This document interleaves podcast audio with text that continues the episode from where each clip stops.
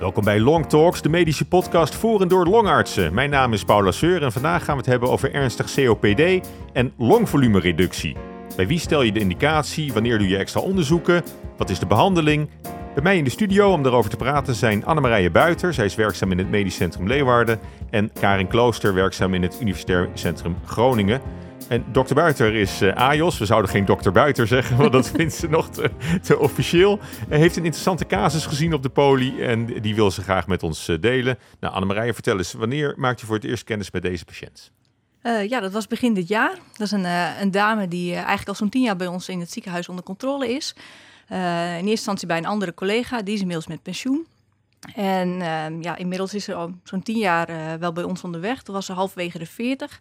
Werd ze doorverwezen vanwege een preoperatieve screening, uh, omdat ze toch al benauwdheidsklachten had. En toen eigenlijk was er al sprake van een uh, ernstig COPD, een GOL3, met ook een ernstige diffusiestoornis erbij op basis van uh, fors longemfyseem. En ja, het beloop is eigenlijk altijd gekenmerkt geweest door ja, veel exacerbaties, waarbij ze ook vaak prednisolonkuren nodig had en antibiotica. Uh, Zo'n één keer per jaar wordt ze dan ook wel opgenomen in het ziekenhuis om er weer bovenop te komen. En uh, ja, op en af rookte ze eigenlijk ook nog wel vrij veel.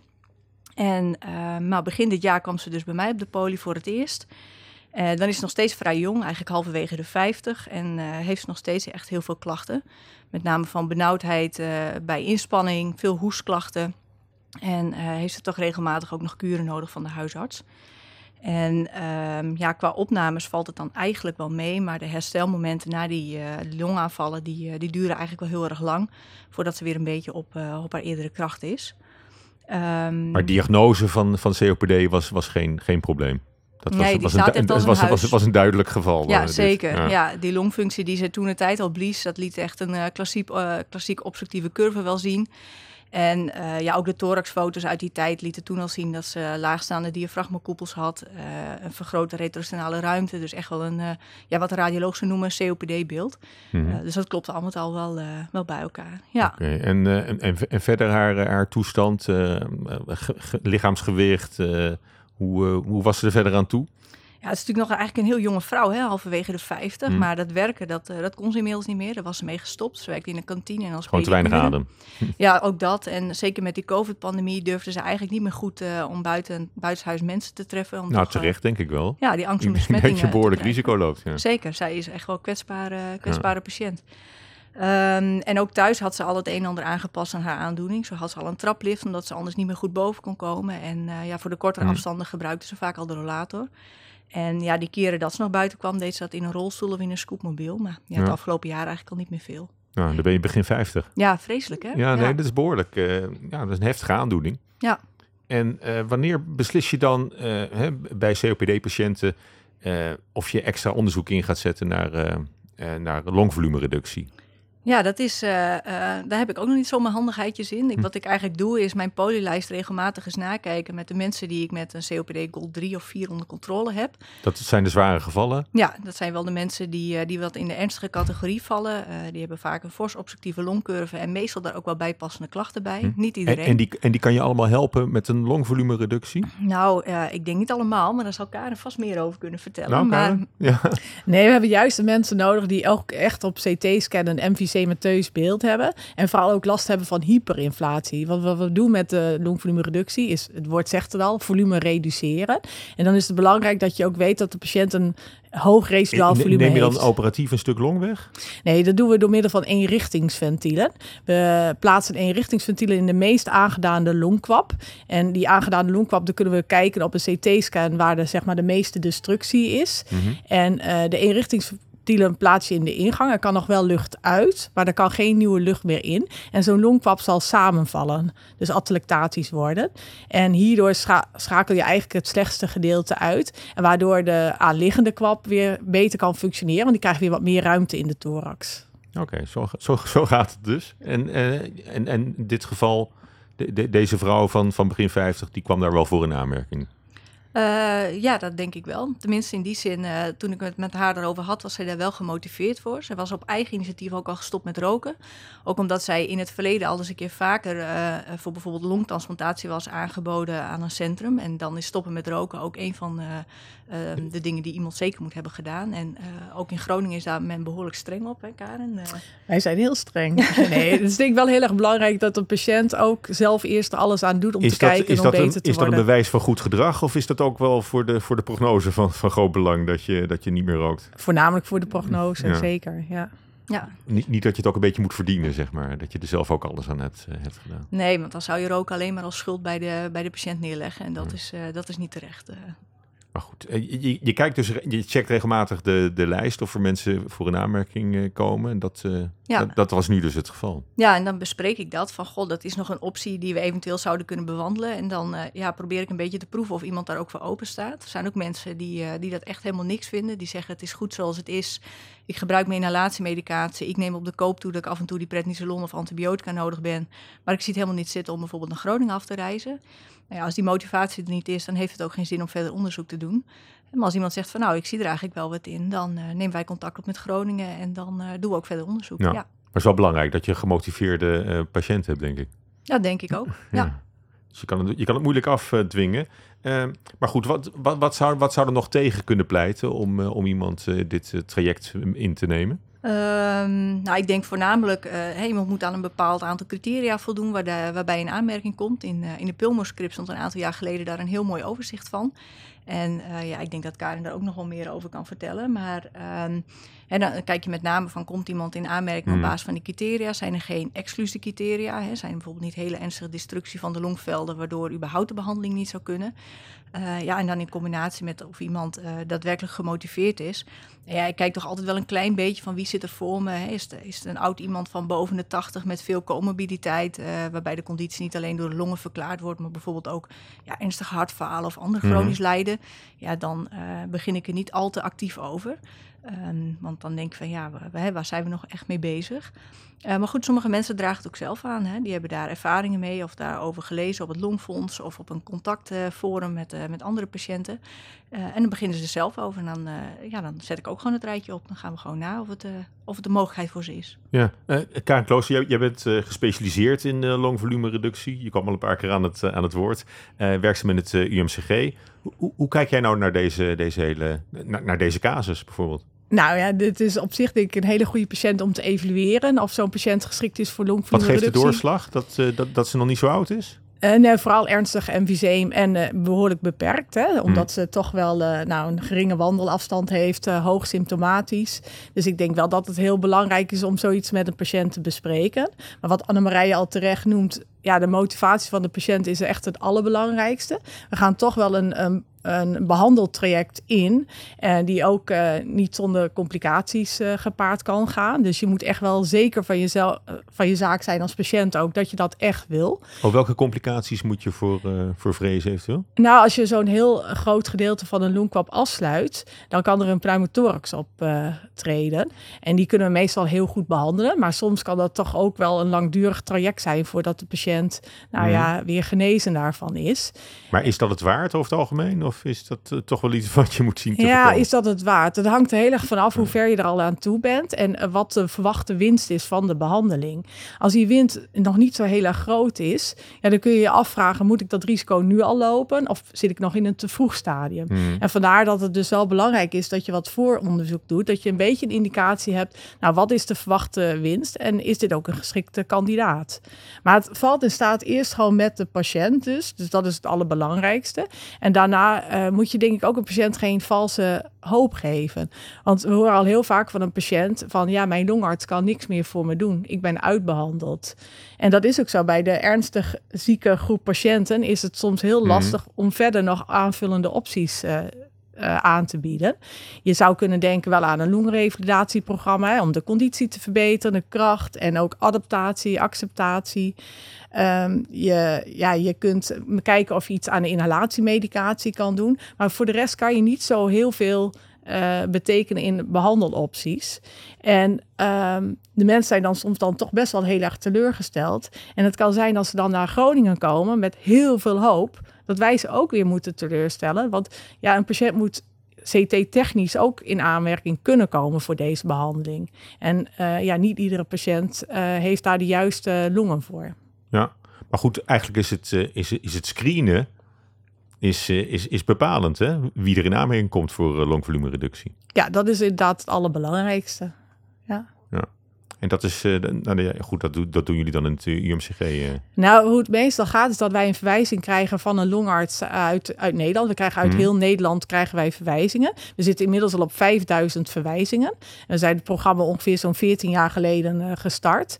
En dan doen we eerst de verwijzing op papier. Dus we kijken mm. natuurlijk naar de diagnose of, of de patiënt wat, inderdaad COPD zijn, zijn, heeft. Zijn jullie de enige die, het, die dat uitvoeren? De, sinds een aantal jaren zijn er een aantal andere centra bijgekomen. Mm. Waaronder Maastricht, Amsterdam, Leiden en het Maastad ziekenhuis in Rotterdam. Oké, dus dat, eh, dat neemt, wel een, neemt wel een vlucht, eh, kun je zeggen. Daar komt een uh, geringe uh, ja, toename van centra bij, klopt. Ja, ja. ja nee, dat, uh, maar dat, dat, is goed, dat is een goede zaak, denk ik. Maar welk, welk, welke onderzoeken heb je nou nog verder verricht? Even om terug te gaan naar, naar de casus. Ja, voor haar, uh, omdat ze daar toch wel uh, voor gemotiveerd leken, hebben we een, een in- en expiratie HCT gemaakt. Om met name een beeld te krijgen van, van de airtrapping en ook daarmee afgeleide van de hyperinflatie die zij zou kunnen hebben. en ook om screenen te gaan kijken van of er geen andere pathologie in de longen aanwezig is. En daarnaast hebben we ook een uitgebreid longfunctieonderzoek bij haar gedaan. En ze had al een hele ernstige diffusiestoornis, maar uh, in de bodybox bleek ook dat zij uh, ja, een, een, TLC van ruim 7 liter had met een uh, residuaal volume van ruim 5 liter. Ja, en dan kijken we ook altijd naar de RV-TLC-ratio en die was ruim 70 procent. En dat is ook wel een van de criteria die, die zeg maar, nodig zijn voor zo'n longvolumereductiebehandeling. Mm -hmm. Dus in die zin voldeed zij wel aan al, al die checkpoints. Zeg ja. maar. ja. Ja, nou ja en, maar, maar dan moet je het ook over de richtlijn hebben natuurlijk, Karen, of niet? wat, wat zeggen die erover? Ja, die zijn natuurlijk gebaseerd op wat er uit de, de studies gepubliceerd is. Hè? Want tijdens de studies daar heb je ook gewoon in- en, exclu in, in- en exclusiecriteria voor de patiënten. En daarbij wordt bijvoorbeeld gekeken dat je moet natuurlijk een obstructie hebben. En we zeggen altijd onder de 50% Dat is nou, een goede baat om iemand door te sturen. Dat is ook die gold 3 of 4 klasse. Daarnaast moet je dus, ja, moet er sprake zijn van ernstige hyperinflatie. En dat is natuurlijk gewoon een afkappunt. Hè? Dus een beetje uit de losse pols boven de 175 procent. Dat wil niet zeggen dat iemand die 170 procent heeft, dat hij totaal niet geschikt is. Maar het kan ook best zijn dat iemand met 200 procent ook niet geschikt is. Dus er zijn meer dingen die daar ook een mm. rol bij spelen. Ja. En dat is onder andere die CT-scan. Want wat je wil bij deze behandeling is dat je eigenlijk een target hebt om te behandelen. Dus een longkwap die echt meest is aangedaan. Dus die CT-scan, waar Annemarij het al over had, die is dus super belangrijk om ja. die er ook bij te hebben. En dat je eigenlijk uh, zelf als longarts dan wel kan beoordelen, zie ik een kwap die gewoon uh, wat meer aangedaan is dan, dan de andere kwabben. Of die er al uitspringt. Ja, en ik denk uh, als je daarna kijkt op de CT-scan en dat je geen uh, andere onverwachte bevindingen hebt, dus niet veel bronchiectasieën, geen bronchopathie, maar echt duidelijk een MVC-beeld, dat je dan moet overwegen om zo'n patiënt door te sturen naar een centrum wat ervaring heeft met het evalueren voor een longvolumereductiebehandeling. Hmm. Ja, en bereiken jullie genoeg patiënten die voor, voor deze behandeling in aanmerking komen?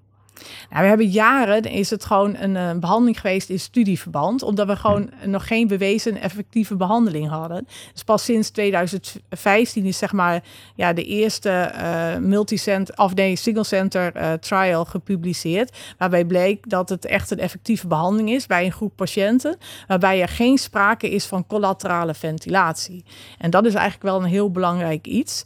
Um, als je een kwap wil afsluiten, dus je gaat bij de ingang ga je eenrichtingsventielen plaatsen. Er komt geen lucht meer in, maar er kan nog wel lucht uit. Dan moet er niet via de andere aanliggende kwap lucht naar binnen gaan, want dan wordt zo'n longkwap nooit kleiner. En dat, daar zijn we ja, inmiddels echt achter gekomen dat dat echt wel de essentiële factor is voor het succes van de behandeling. En uh, eerder, ja, je kunt dat op een CT-scan, kun je dat al wel een beetje voorspellen, hoe de intactheid is van mm -hmm. de visuur. Dus, maar als er een klein defect op de CT-scan te zien is van de visuur, dat wil niet zeggen dat er altijd sprake is van collaterale ventilatie. Dus je wil dat eigenlijk meten. En dat kan je pas doen als een patiënt ook echt in het traject zit en dat we denken van nou de patiënt is geschikt daarvoor. Dan plan je zo'n patiënt in voor een bronchoscopie Mhm. onder narcose. Dus de patiënt is lekker in slaap en het werk voor de dokter is dan ook het makkelijkste. En dan wat je dan eigenlijk gaat doen is eh, de behandeling met ventielen al nabootsen. Want je legt dan met een ballonkatheter, eh, blokkeer je eigenlijk tijdelijk de ingang van die kwap die je ook zou willen afsluiten met de ventielen. Die ballon die zorgt ervoor dat er geen lucht in die kwap komt. En de katheter die door die ballon loopt, die is aangesloten aan een flowmeter. En zo sluit je gedurende een paar minuten die kwap af. En dan zul je eerst nog een flow zien, want er zit nog lucht in die kwap. En op de duur zal de flow nul worden. En als die flow echt nul wordt, dan weet je eigenlijk dat er geen collaterale ventilatie is. En dat de behandeling met ventielen ook effectief kan zijn. Want dan kan de longkwap ook samenvallen. Oké, en, eh, en, en hoe ziet dan eh, in, het, in het geval van de, de patiënt van Annemarije, hoe, hoe ziet die behandeling er dan uit? Wat zijn, wat zijn de opties eh, daarvoor? Nou, deze patiënt die wordt dan eerst naar ons door, hè, doorverwezen. En we gaan al eerst op papier kijken van nou, eh, is dit een potentiële kandidaat eh, voor eh, de volumereductiebehandeling? Dan nodigen we zo'n patiënt uit. En dan ja, wordt er gewoon eigenlijk een second opinion consult gedaan. En wij kijken ook waar de patiënt tegenaan loopt. Of er eventueel nog verbeterpunten zijn. Want we krijgen natuurlijk ook heel veel verwijzingen. Dat mensen misschien toch ook nog wel kunnen gaan revalideren. Dat we denken, daar zullen ze ook wel wat baat bij hebben. We doen een CT-scan opnieuw maken. Vooral ook een inspiratie- en een expiratiescan. Want op zo'n expiratiescan kun je soms zien welke kwap juist ook meest luchthoudend blijft. Hè, normaal horen die ook mooi leeg te lopen. Maar als je echt ziet dat een kwap juist ook vol blijft bij expiratie, dan is dat juist misschien de kwap die je zou willen eh, behandelen. Ja. En dan kunnen we ook nog een kwantitatieve CT-analyse doen. En dat houdt in dat we gewoon echt meer informatie krijgen over de mate van destructie in iedere longkwap. Eh, je krijgt inzicht over de volumes die je in de longkwap eh, hebt zitten. En dat kan best wel heel belangrijk zijn. Als je bijvoorbeeld eh, linksboven als target hebt, dus daar is de meeste destructie. En die kwap is wel 3 liter. En die linker onderkwap ziet er nog best wel goed uit. Maar die is maar 1 liter. Dan ga je echt een heel groot volume afsluiten. Eh, ter compensatie heb je maar 1 liter over. En dan is de kans op een pneumothorax wel heel groot. Nou, en dat weeg je dan weer af als zo'n patiënt echt heel erg slecht is. En je denkt van nou, die gaat er zeker winst bij behalen. Dan kun je soms zo'n risico wel lopen. Maar als de patiënt bijvoorbeeld nog een heel laag residuaal volume heeft. Dan denk je, ja, ik vind de te verwachte winst is nu wel best wel laag. Dan moeten we misschien nu dat risico nog niet gaan lopen. Dus dat is voor ons wel een eh, essentiële eh, methode, die kwantitatieve CT-analyse. Ja. En het geeft gelijk ook eh, informatie over de fissuurintegriteit. Dus Ja. ja, Maar, maar dan kan je misschien ook de, de kans op een succesvolle ingreep wel mee, eh, mee inschatten. kun je wel een beetje ermee inschatten. Hè? Kijk, zo'n kwantitatieve CT-analyse laat niet zien over adhesies die er bijvoorbeeld Hmm. zijn. Want die kunnen juist weer voorkomen dat zo'n longkwap eh, gaat samenvallen. Maar het geeft ons wel gewoon een goede inschatting voor een eventuele behandeling. Ja. Ook wel een, een, een lang traject misschien wel. Ja, kan wel. Maar het plezierige ook met de samenwerking met Groningen is dat zij ook eh, patiënten veel uitleg hierin geven. En hier ook natuurlijk ook wel op voorsorteren, dat ze dit ook wel bespreken. En met name ook dat zij meekijken van, goh, hè, wat zijn er nog voor andere eventuele opties? Hè, stel, dit zou nou bijvoorbeeld geen optie zijn geweest, of misschien nog een te vroeg stadium, dat ze hè, ook wel eh, eh, gaan kijken van, nou, wat zou dan eventueel dan nog kunnen? Hmm. Bijvoorbeeld een revalidatietraject. eh, Ja, wat, wat, wat zijn voor de hand liggende alternatieven? Nou ja, bij zo'n jonge vrouw als dit eh, eh, is revalidatie wel eentje. ehm, hè, zeker als iemand eh, het afgelopen, nou ja, één, twee jaar, zeker vanwege die coronapandemie, toch in het slop is geraakt. Hè, voor hun, Ze moeten zijn- gewoon vaker naar de fysio of de, de ja, dat, dat of, klinkt zo makkelijk, maar dat is vaak wel een van de pijlers voor Ja. de behandeling van COPD. Zorgen dat mensen goed in conditie blijven, goed hun adem kunnen gebruiken die ze hebben, ehm, maar ook gewoon dat ze hun Hmm. gewicht goed stabiel houden. Dus dat ze goede voeding krijgen, waarbij ze ook daadwerkelijk het gewicht stabiel houden en niet alleen maar stiekem kwijtraken door, door die COPD. Ja. En ehm, nou ja, als revalidatie eentje is, eh, je zou zeker met zo'n jonge vrouw zou je nog kunnen kijken naar van, goh, is eventueel longtransplantatie nog een optie eh, eh, voor zo'n persoon? Eh, maar dat zijn ook lange trajecten waar ook eh, Mhm. eh, veel mits en maren aan zitten. Uh, dus dat zijn ook zaken die je met elkaar en, kan En, bespreken. en is het ook mogelijk dat je, dat je eerst zo'n zo longvolumereductie doet en, en dan alsnog op de lijst blijft staan voor een longtransplantatie? Ja, dat is op zich een hele, hele goede vraag. Want dat zien we natuurlijk heel vaak. Dat mensen eigenlijk ook doorverwezen worden voor een longtransplantatie. Dat is een heel heftig traject. Daarbij is er ook nog een enorm donortekort. En mensen met ernstig COPD komen heel vaak niet zo heel erg hoog op de, was, op de wachtlijst voor longtransplantatie. Nee, Omdat hun uh, ja, LAS-score, dat is een score om te bepalen uh, hoe snel je zeg maar, aan de beurt bent voor nieuwe longen. Hmm. Dat die heel vaak niet zo heel hoog is bij mensen met COPD. Omdat ze nog best wel een uh, ja, ze hebben natuurlijk eigenlijk een beperkte overleving als je in, in het hoge uh, in stadium 3 of 4 zit. Maar uh, voor longtransplantatie hebben ze nog wel een redelijke overleving. Dus vandaar dat ze ja, niet erg hoog scoren. Ondanks dat ze soms echt helemaal niets meer kunnen. Hm. Maar als ze nog gewoon goede bloedgassen hebben en toch nog wel uh, 200 meter kunnen lopen. Er zijn een paar indicatoren hè, die de lastscore ja. uh, ja. bepalen. Maar ja, daar scoren zij nooit zo heel erg hoog hm. op. En dan is een hele goede ja, bridge to transplant, zoals we dat wel eens noemen. En eh, ja, dat we aan de hand daarvan wel kijken van kunnen we niet eerst een andere behandeling doen. Dus een wat non-invasievere behandeling. Ja. Het is natuurlijk een vrij uh, jonge tak van sport, uh, kun je zeggen. Er zijn nog altijd uh, heel veel nieuwe ontwikkelingen, denk ik. Jazeker. Kijk, wij hebben, we zijn al wel heel lang bezig met de behandeling ventielen. Het, dat was al wel in studieverband. Maar sinds 2017 is het ook gewoon vergoede zorg geworden in Nederland. Hmm. Ook de FDA in Amerika heeft het gewoon als een erkende behandeling ja, geapproved. Ja, erkend. Ja, erkend. Ja, gewoon zoals het is. En het is dus ook approved. in... ja, ja. This is een FDA-approved. ja. Nee, maar dus dat, dat is op zich heel mooi dat het wereldwijd uh, ook in de GOLD-richtlijnen terechtgekomen is. En nou, sinds augustus is de richtlijn voor palliatieve zorg uh, in de COPD ook uh, vernieuwd. En daar is dit ook nu in opgenomen. Dus dat is op zich wel heel goed. Uh, ja, dat de richtlijnen ook aangeeft dat eigenlijk iedere longarts eens even in zijn stal moet kijken. Van zit er een ernstig COPD-patiënt bij die mogelijk in aanmerking zou kunnen voor een aanvullende behandeling? Oké, okay, dus dat is, dat, is, dat is hoopgevend, denk ik. Zeker, voor een, uh, ja. en, en voor hoeveel, hoeveel mensen is dit uh, van, van belang? Is het een, uh, een grote groep?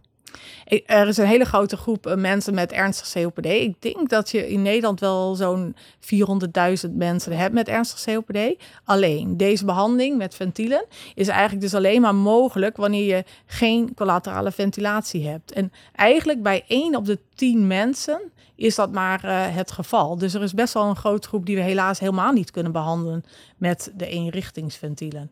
En dat is omdat er toch een klein defect zit in, uh, in de scheidingslijn, dus in de visuur. En uh, daar zijn we nu wel mee bezig. Om te kijken of we zo'n scheidingslijn dicht kunnen maken. Dan plaatsen we twee componenten lijm op de plek waar het defect zit. Oké. Okay. ja. En dan, uh, dan gaan we. Naar... een beetje als, als een band plakken. Ja, uh, eigenlijk is dat wel een beetje zo. En dan na zes weken ga je opnieuw de meting doen uh, met dat ballonnetje. Om te kijken of, uh, of je het hebt kunnen converteren. Dus dat er geen collaterale ventilatie meer is. En we doen dat in een Europese studie. En we hebben momenteel al uh, twee mensen daar ook in behandeld. En ja, N is twee, dus dat is nog heel. Je kunt daar natuurlijk nog helemaal niet echt iets over zeggen. Maar we hebben al wel gezien dat dat in, in dit opzicht goed is gegaan. En nu is het nog natuurlijk afwachten wat het op langere termijn doet. Of die visuur dan ook uh, Hmm. dicht blijft met lijm. Ja. ja. Even terug naar, uh, naar de casus waarmee we begonnen. Hoe, is het, hoe is het met mevrouw nu? Ja, die hebben we doorverwezen naar Groningen. En uh, ja, die heeft wel daadwerkelijk haar behandeling wel gehad. Longvolumereductie van de, van de linkerbovenkwap. En uh, ja, zij is daar uh, zowel getalsmatig met de longfunctie uh, behoorlijk in vooruit gegaan. maar ook merkt ze zelf conditioneel, met name omdat het ook gecombineerd is met een revalidatietraject, is zij fors vooruit gegaan. Ja. Kan ze wel gewoon weer meer dingen doen, komt ze weer meer buiten. En ja, is het voor haar echt wel een goede um, stap geweest. Zeker in de kwaliteit van leven om die, uh, om die beter te krijgen. Ja. Ja.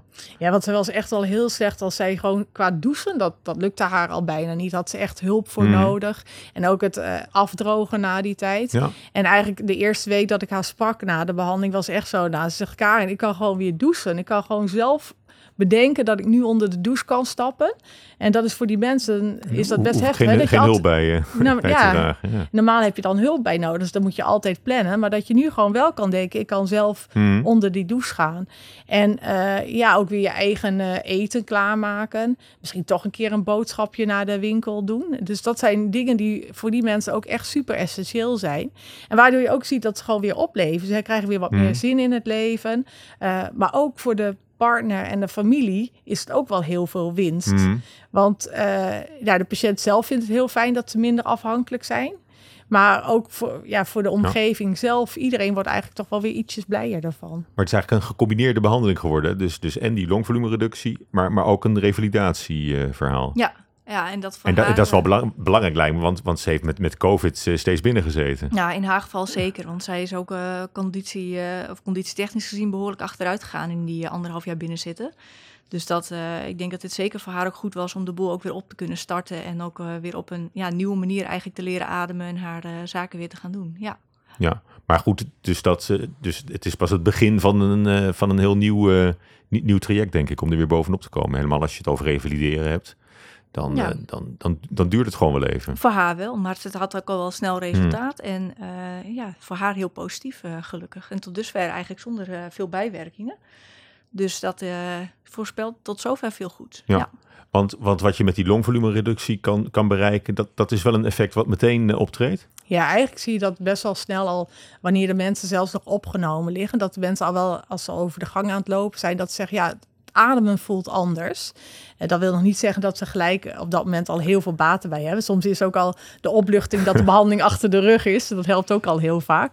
Maar eh, ja, je ziet wel dat mensen zeggen dat ze gewoon makkelijker kunnen ademen. En ook als ze dan in het ziekenhuis al een keer douchen, dat ze ook zeggen, hey, merk toch dat het nu al anders gaat. Dus die kleine verschillen zijn al wel merkbaar. Maar je gaat het vooral merken als de patiënt thuis is in de eigen omgeving. Mhm.